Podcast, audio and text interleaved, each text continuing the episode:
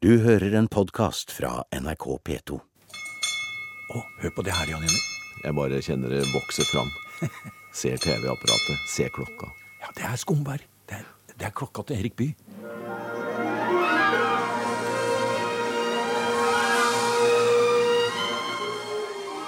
Det er Vi går om bord, Jan Henrik. Ja, og jeg får bilde av, eh, av eh, Øyvind Berg. Og det her kommer Erik Bye. Atter en gang lar vi den gamle skipsklokken fra Skomvær ringe julen inn. Idet vi håper at ordene og tonene fra vår høytid her i universitetets aula i Oslo vil nå ut til flest mulig norske skip og bidra litt til å skape et julefellesskap. Et familiefellesskap mellom dere som seiler ute, og oss her hjemme.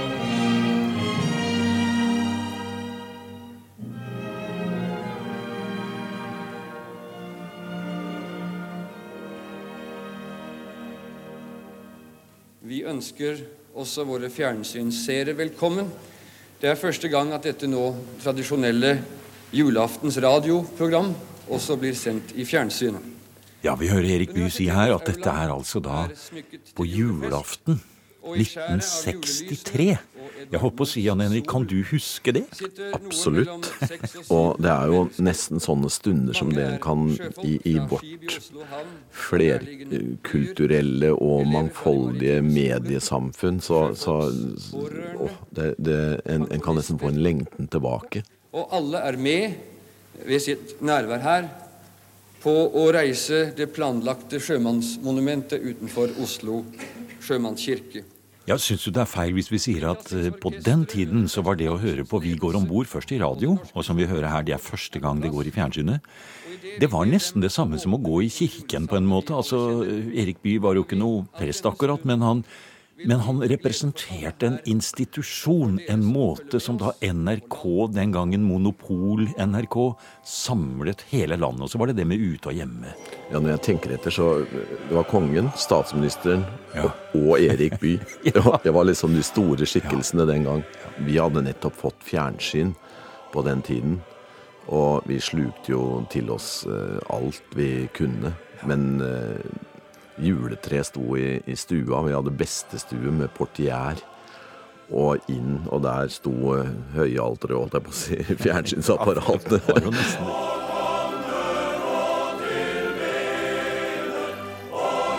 Og, og, og, så, og sjømannskoret, Norsk sjømannskor. Og spennende ting som Erik Bye eh, hadde henta fram i programmet. Altså det Og det var én spesiell eh, ting. Du sa fant på spennende ting. I dette programmet her, som er det første gang vi går om bord går på fjernsyn, så hadde Erik Bye hentet fram noe helt spesielt. Og det handler om Kina. Det handler om misjonærer. Det var eh, tre-fire misjonærpar som skulle feire sølvbryllup, som de gjør på scenen der. Men så var det en av damene da som savnet sin mann, for han var fremdeles ute i Kina på misjonsmarken. Men NRK og Erik Bye, de hadde ordna det. Og så, siden vi har fått julenissen på besøk her, så vil jeg gjerne at fru eh, Espegren får en litt spesiell gave fordi hun er alene her. Og den gaven, vet du hva det er, fru Espegren? Det er julenissen og det er mannen deres fra Hongkong.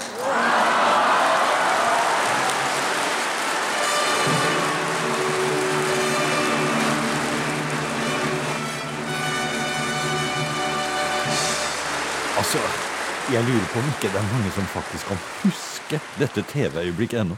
Ja, jeg tror jeg husker det i hvert fall. Ja. Når, når, når du hører det sånn, så Ja. kjenner jeg det på en måte igjen. Ja. Det er jo liksom den tids Tore på sporet-opplevelse. Ja, ja, det er jo det. Og det som vi ikke hørte her nå, det er at det blir gjort et stort nummer av at det er SAS, som de sier sikkert 10-20 ganger, da, som har gjort dette mulig. Som jo var eh, på en måte staten, akkurat som NRK var den gangen. Men dette, dette var vår lille hyllest av nær sagt, til eh, juletradisjoner i radio og TV. For det er jo det vi liksom gjør her nå i dette programmet. Lager en liten museums julespesial. Vi ga vår hyllest til Erik Bye eh, og den tidens måte å gjøre det på. Men i vårt eh, juleprogram her nå, Jan Henrik, så, så har du reist i kloster. Ja, Første gangen jeg faktisk har vært i et, eh, et, kloster i Norge. Det er jo noe ofte vi ser når vi er på ferie og i utlandet, så er det jo kloster overalt. Men eh, det fins jo fungerende klostre i Norge, og jeg var på Tautra. Det er i Frosta kommune i det som tidligere var Nord-Trøndelag, og som nå er Trøndelag. Akkurat da var det et veldig eh, kraftig sånn bygevær, så det både snødde og det regna. og havet eller fjorden fråda innover og kom fram til dette lave, flotte bygget med, som er kledd med skifer i, eh, som gir et veldig flott uh, fargespill. Utrolig opplevelse, og fikk veldig god mottagelse der, da. Og her hører vi hvordan det hørtes ut da du gikk inn i kapellet der.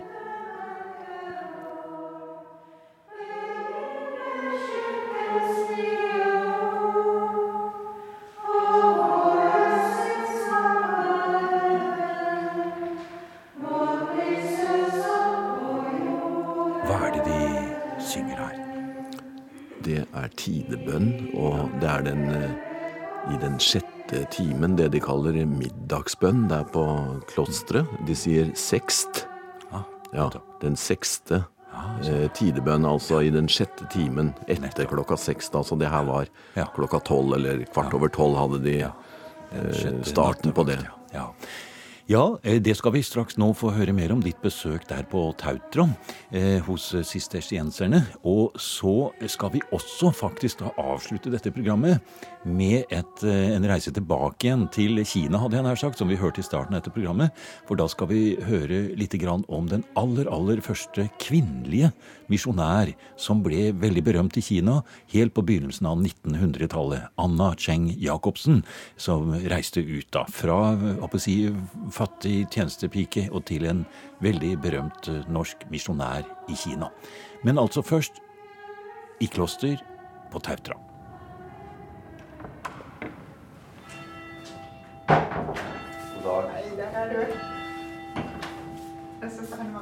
Søster eh, Hanne Maria tar eh, vennlig imot i et lite rom på Tautra Mariakloster, som ligger i strandkanten mot Trondheimsfjorden.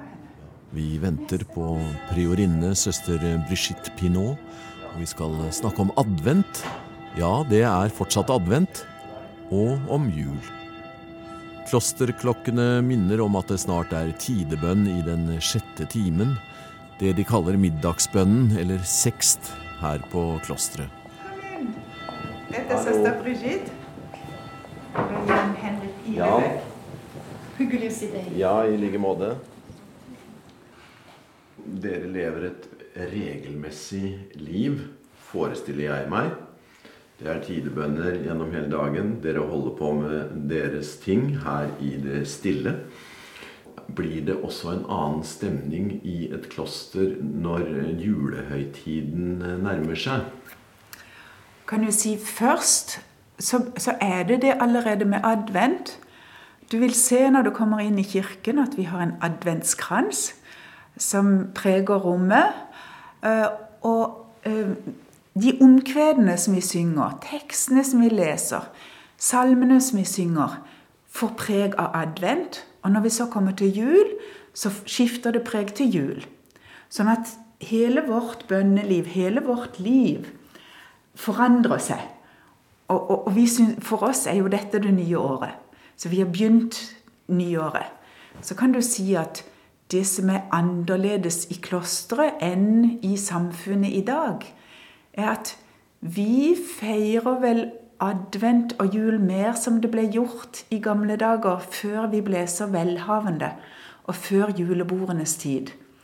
Og før julegatene begynte i oktober og november. Så for oss så pynter vi ikke før like Vi, vi pynter til jul, ikke til advent. Litt til advent som adventskrans.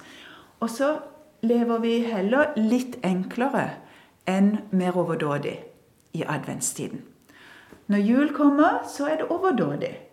Da har vi plenty av alt. Hos oss så er feiring er mellom liturgi og måltid.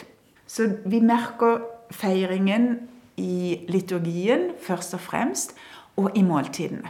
Så når vi har høytid, Da er det mye god mat. Eh, vi har ikke nødvendigvis sju slag til jul, fordi vi kommer fra forskjellige nasjoner. Og det er ikke alle som har småkaketradisjoner, sånn som vi har i Norge. Så naboene gir oss. Så vi har en god del slag og en god del tradisjonelle. Men vi har også amerikansk fruit cake og forskjellige skikker som, som søstrene har tatt med seg fra forskjellige land. Det vil også si, det er at siste uke av advent er det veldig spennende og nydelig å være i kloster på landet. For da kommer naboene. Kommer naboene for å ønske oss god jul og for å, å, å dele med noe av, det, av, sine produkter fra året. Så det er veldig spennende. da går vi på kjøkkenet og så sier vi, 'Å, nei, se. Nei, se. Å, så hyggelig. Nei, så fint.' Så det er en spesiell glede ved å bo på landet. For folk på landet lager folk fremdeles ting sjøl. Har dere også en indre glede? Det er, det er jo en, eh, om ikke den største viktige kirkelige eller begivenheten i kristendommen, som vel er påske. Men eh, hvordan ser dere på det? Det er klart at julen er for oss også det er Sammen med påske er det det viktigste. Og det å tre inn i inkarnasjonens mysterium er uendelig stort. Så for oss jeg tror nok at vi, vi gleder oss hele tiden, egentlig. Altså vi For meg selv, jeg vil si, gleder meg hver dag. Men samtidig, det at du får en så sterk fokus på, den, på, på dette mysteriet i julen, det skaper en indre glede. Og det er klart for oss alle sammen. Vi har vært barn. Vi har fått lov til å feire kristen jul som barn. Og det betyr at det begynner å boble i magen, ikke sant? Hos oss, ikke, hos oss er julaften fremdeles advent. Så begynner, julen begynner med første vesper julaften. Og så med midnattsmesse. Så det er midnattsmessen som er det store. Og da kommer det, pleier det å komme mange naboer. Um, noen reiser litt langveis fra for å komme og være med på midnattsmessen hos oss. Og så har vi gløgg og kaker i klosteret for alle sammen etterpå. Og det Jeg mener selv om, selv om, det ikke er en overflod av materielle gaver, så er jul veldig spesielt for oss. Så det er forventning her nå? Ja, klart det er forventning. Vil du ikke si det? At du, du gleder deg. Du ja. lurer på hvordan blir dette? Ja. ja. Jeg, bærer, jeg bærer i min uh, juleglede hele, hele tiden. Hele år. Fra uh, juleinkarnasjon til påske og til uh, endeår. Jeg tror det er uh, Jeg lever, tror i mysteriet. Og, og på julekveld eh, Hele søstrene sitter rundt eh, juletreet, og vi åpner litt pose med, med litt gaver inn. Hva ønsker du deg til jul? en kalender, en klementine og en eh, sjokolade.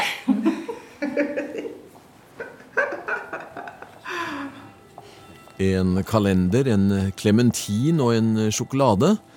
Da blir det ikke mye styr å kvitte seg med julepapir på Tautra Mariakloster hvis de 13 andre nonnene har ønsker på nivå med søster Brigitte Pinot. I hvilken grad eh, reflekterer dere over den adventstid og jul som er rundt dere i et sekulært eh, samfunn. Har dere noen sterke eh, meninger om det? Jeg tror nok at vi, vi syns det er trist at julen At den kristne julen forsvinner. At det, det er trist at, at folk ikke lenger vet hva julen er. At folk ikke lenger kjenner kristendommen og ikke, ikke kjenner Jesus. ikke vet at Gud er kommet til jorden. Det syns jeg er trist. Fordi det er, det er, et mysterium og en tro og, og, og en hjelp til livet. Så, og en mening i livet som, som, det er veldig trist at andre ikke, altså at så mange ikke har i dag. For det er jo mange som har det fremdeles, heldigvis. Eh, men, men jeg hører jo mange av dem også si at de syns det forsvinner i, i kommersialisering. Og, og, og, i at du tar alt sammen på forskudd. Istedenfor å vente og så ta feiringen når den kommer.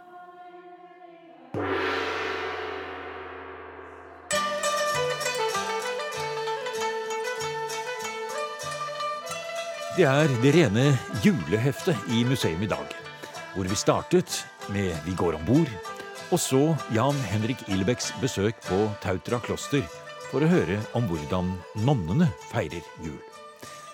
Vi lovte å komme tilbake til Kina, som et apropos til Erik Bys fokus på de norske misjonærene i Kina på 1960-tallet. Nå skal vi tilbake til slutten av 1800-tallet og tiden fram til første verdenskrig. Det var da de aller første norske misjonærene til Kina reiste ut. Noe vi hørte litt om i programmet Møter med Kina, som gikk her i museum tidligere i høst. Der nevnte vi at en av historiene skulle vi gjemme til juleprogrammet. Og det er historien om tjenestejenta fra Kristiansand, Anna Jacobsen, som reiser ut sammen med Sofie Reuter for den engelsk-kinesiske China Inland Mission allerede i 1886. Det hele starter med en voldsom vekkelse i det frikirkelige miljøet i Annas hjemby Kristiansand. Historiker Camilla Brautaseth fra Universitetet i Bergen forteller at vekkelsen traff den unge tjenestejenta så sterkt at noen lurte på om hun nærmest hadde gått fra forstanden. Ja, altså det er jo det som er morsomt når du leser kildene. Altså det, det er, jo, er, jo, en del av denne voldsomme eh, vekkelsesbevegelsen, og, og, som også er i Agder. Eh, og de lurer jo på et eller annet tidspunkt liksom, hva er vekkelse, og, og, og hva er tegn på andre ting. Altså De er urolige for hennes mentale helse. Og sender da de eldste kvinnene for å roe ned og snakke til fornuft, at du må ta det, ta det litt rolig. Eh, Men så begynner det å regne? Så begynner det å regne. sant? Hun sier jo det sjøl visstnok at eh, eh, beviset på at hun har, fått, eh, har rett, er at det skal begynne. Dette er en varm sommerdag i Kristiansand, og begynner det å regne i kveld. Klokka ti. Klokka ti. Ja. Så er det et beviset på at jeg snakker sant. Det er et tegn fra Gud. Det er et tegn fra Gud. Ja. Og så beskriver også kildene da hvordan det fra helt blå himmel plutselig sky, begynner å skye seg til, eh, og så bøtter regnet ned eh, om kvelden. Anna Jacobsen arbeidet for China Inland Mission og de drev på en litt annen måte enn de fleste andre misjonsorganisasjoner, som for det meste holdt seg til havnebyene. Og de begynner med en ny strategi, at man skal sende misjonærene inn og åpne opp nye misjonsmarkeder. Og det var ganske nytt også det at det ble sendt inn eh, kvinne, kvinnelige misjonærer inn dit. Så, men, men, de hadde lov til det, altså? Ja, altså de hadde, de hadde jo lov, eh, lov, til det. Eh, på dette tidspunktet så er jo hele Kina åpna opp for uh, misjon. Altså, men du måtte jo ha noen pass og reisepass for å, å, komme inn. Men det er likevel en arbeidsdeling mellom. De konkurrerer på mange måter da, som misjonsorganisasjon. Det er både samarbeidet og, og, konkurrerende. Men det som er spesielt for China Inland Mission, det var at de jobba spesielt med opiumsavhengige. Og det ble også Anna Jacobsen og Sofies første stopp. Det var et helt nyoppsatt lite såkalt opiumsasyl eh, for kvinnelige rusmisbrukere. Og der kurerte de jo eh, pasientene med Jesuspiller.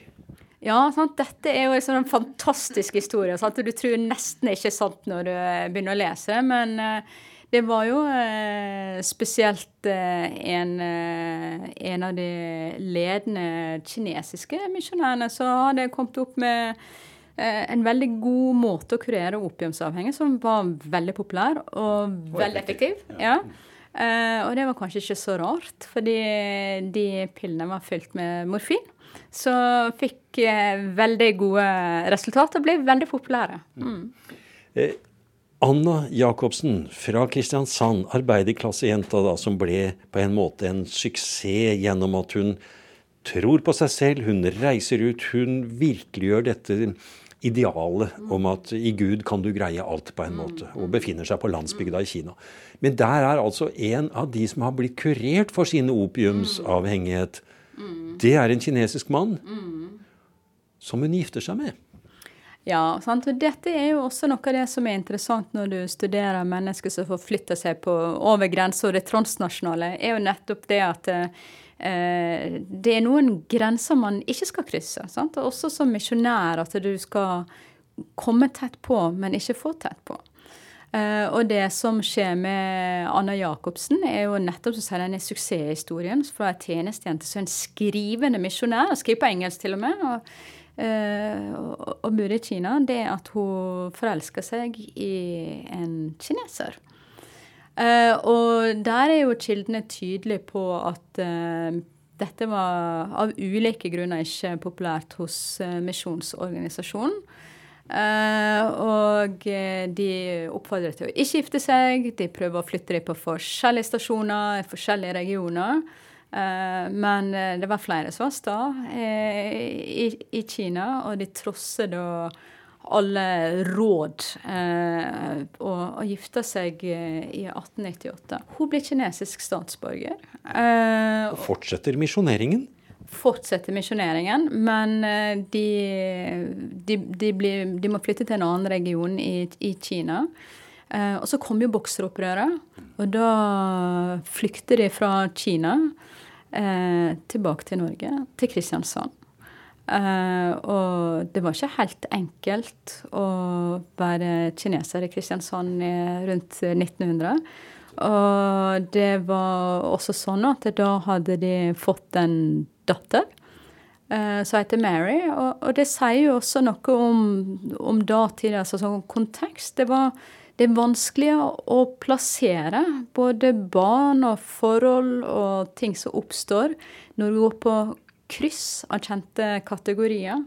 Eh, og det tror jeg nok var i, i dette forholdet og ekteskapet mellom Anna og Cheng også var nok det at de ble ikke helt høre hjemme verken i Norge eller Kina, men det ble noe midt imellom, og noe som de var i konstant forhandling eh, med. Og så dro de tilbake til Kina i 1902 og begynne det som kanskje var en av de aller minste misjonsorganisasjonene i Kina, Anna Changs Mission. I landsbyen Huchu i Shanxi-provinsen driver Anna og Chugi Cheng sin misjonsstasjon fram til Anna dør i 1911, og noen få år senere dør også hennes mann. Men de hadde en datter, Mary, som Camilla Brautaseth har drevet den reneste detektivvirksomheten for å spore opp etterkommerne etter. Og selv om Anna Cheng er omtalt tidligere av både norske og engelske historikere og journalister, er det fortsatt nye kilder som kan dukke opp. I det prosjektet vi har hatt, så har vi vært eh, veldig heldige, for vi har kommet over nytt kildemateriale i Misjonsarkivet i Stavanger, på Wien. Men så har vi også klart å oppspore familien. Uh, via en sånn detektivhistorie. Lage et familiekart. Uh, og jeg tenkte OK, hvis jeg går inn på en sånn familieforskningsside og studerer gravsteiner, så er jo sannsynligheten for at noen laster opp et bilde av en gravstein, at de er i slekt, er ganske høy. Så jeg lagde et familiekart av det jeg kjente til. Og så satt jeg og studerte gravsteiner. Så, Skikkelig Sherlock Holmes? Ja, ja, dette er Sherlock Holmes. Og så kom det et bilde, en gravstein, litt ut i familietreet. Og så skrev jeg til vedkommende. Jeg er historiker fra Norge. Jeg har lett lenge etter familien. Uh, og, litt av problemet var jo det at uh, Anna Jacobsen Cheng er et spesielt navn. Men deres datter gifta seg britisk og fikk det kanskje litt intetsigende navnet Mary Wright. Og det er jo altfor mange Mary Wright til at man skal se etter historiske kilder. Så en uh, kutter den i så langt. Jeg kom i kontakt med familien. Eh, jeg har vært og truffet Anna Jacobsens to barnebarn. To døtre. De var 88 og 90 da jeg traff dem. De er også barn av misjonærer. En lang historie tok de dit, men begge er født i Kairo. Eh, og så tenker jeg at det, de har også gjort, familien, er at de har gitt meg brev som Cheng, denne mannen til Anna, eh, har skrevet. Og det syns vi eh, har vært viktig, for han har på en måte vært så taus. Altså, han blir liksom kineseren den stille, men det må jo ha vært en dramatisk historie for han òg. Eh, han opplever jo å miste kona si. altså Anna Jacobsen dør jo i Kina. De har akkurat sendt Mary til, eh, på skole i England, og han er igjen alene på misjonsstasjonen. Og denne brevvekslinga viser veldig sterkt hvor vanskelig det var for han. Han hadde så lyst dattera skulle komme tilbake igjen. Men var det best for Gud og var det best for dattera at hun fikk bli i England og få utdannelse og, og bli værende der eller ikke? Til slutt så da ser jeg at, jeg, Altså han sier 'bli der'. Uh, så Mary blir jo sendt fra Kina nummer ti. Så aldri foreldrene sine igjen. For noen år seinere så dør også Cheng.